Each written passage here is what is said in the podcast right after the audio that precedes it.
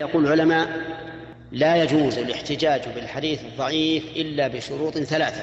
الأول أن لا يكون الضعف شديدا والثاني أن يكون لهذا العمل الذي فيه الفضل أو التحذير أصل ثابت والثالث أن لا يعتقد أن الرسول صلى الله عليه وآله وسلم قاله.